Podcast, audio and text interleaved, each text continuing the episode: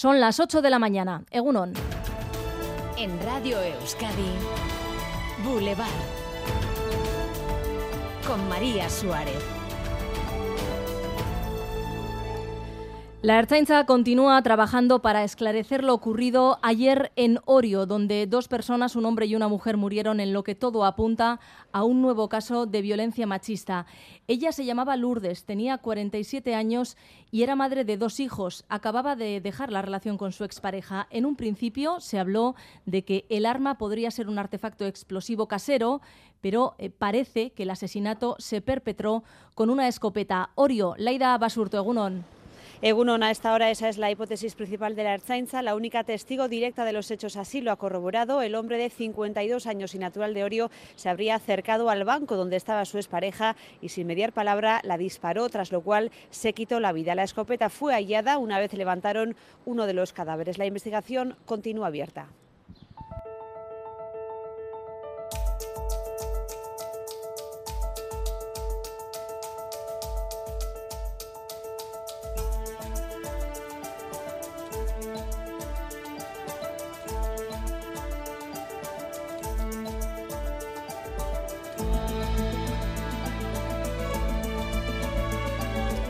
Es miércoles 17 de mayo, Día Internacional con la, contra la LGTBI-fobia, el rechazo, la discriminación o incluso los delitos de odio hacia las personas por su orientación sexual o su identidad de género son preocupantes. En Euskadi, casi uno de cada cuatro delitos de odio del año pasado estuvieron relacionados con la identidad sexual. Sonia Hernando. 96 delitos de odio relacionados con la identidad u orientación sexual con 124 víctimas. Se incrementaron un 30% respecto al año anterior. Esos son los números que ponen en alerta al Departamento de Seguridad del Gobierno vasco, que explica el aumento año a año de estas cifras, no solo por el hecho de que cada vez se registran mejor en las estadísticas. Desde Gaitu explican este aumento por la difusión y agitación por parte de la ultraderecha de los mensajes de odio. Hoy precisamente los ayuntamientos de Villabona y Sisurqui le han llamado a concentrarse a la ciudadanía para rechazar la agresión a una pareja ocurrida este fin de semana. 15 jóvenes, 15 personas, y nos empezaron a dar pata, golpes, eh, puños, maricones de mierda, largados de aquí que no son de aquí.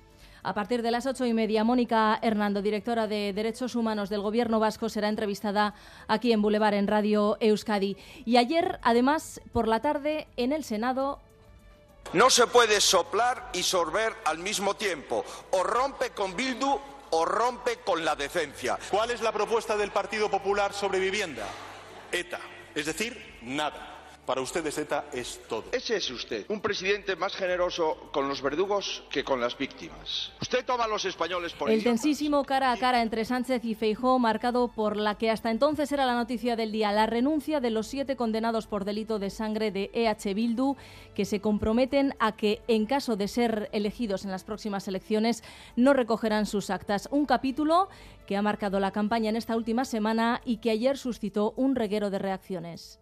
Hemos asistido a una nueva e inaceptable campaña de acoso y derribo por parte de la ultraderecha española, a los que se han sumado irresponsablemente otras fuerzas para crear un lodazal en el que chapotear por meros intereses políticos y electorales. Esto no iba de intereses partidistas o electorales ni de barro político, sino que iba y va de convivencia democrática. Era lo que pedía la mayoría de la sociedad vasca. A partir de ahora, solo cabe esperar que la izquierda berchale culmine su recorrido ético reconociendo el daño injusto causado.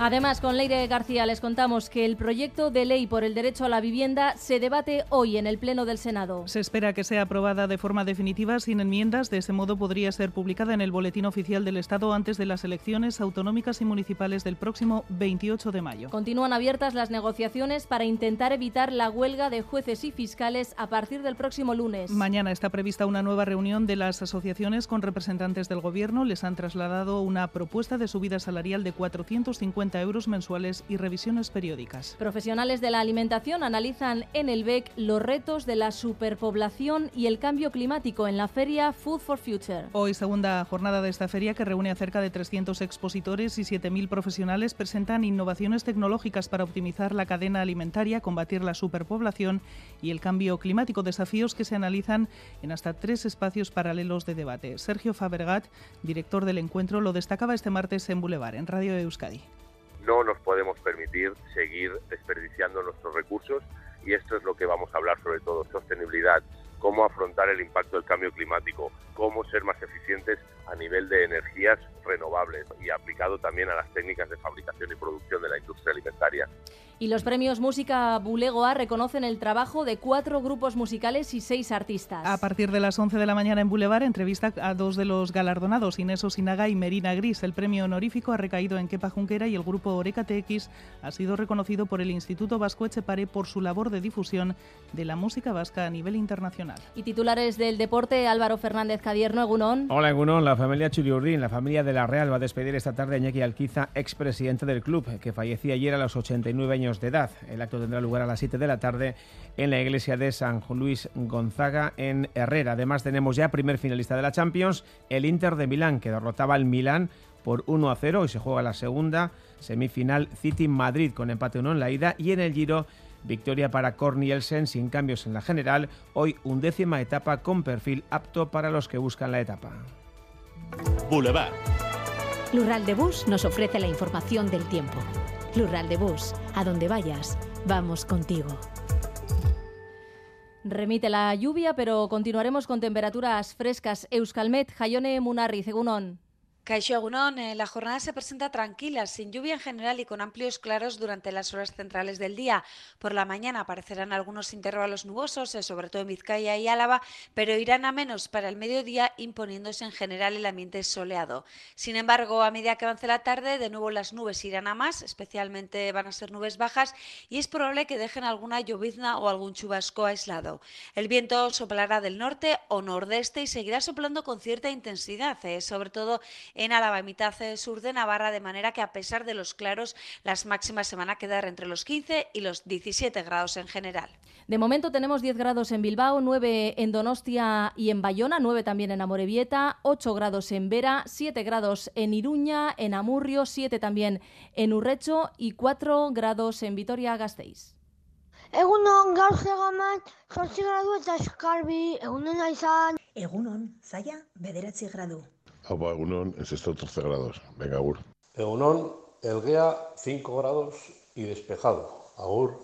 Egunon, gaur irunen behatzi gradu eta aderi egunon izan. Kaixo, en los arcos tenemos 7 grados.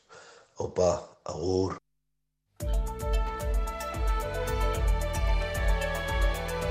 Boulevard. Tráfico.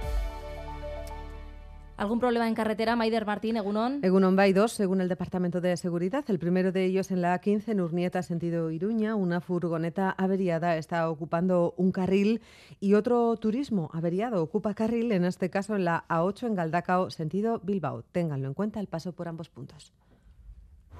Turno de tarde en el hospital. Ocho horas me esperan. Voy a visitar a Laitona, a pasear juntos un ratito con las amigas al teatro. ¡Qué ganas tenía ya! Porque la vida vuelve y el transporte público es vida, en Lural de Bus, donde vayas, vamos contigo. Ayúdanos a mejorar nuestra información con tus comentarios, fotos y vídeos. Envíalos al WhatsApp de Radio Euskadi 688 840 840.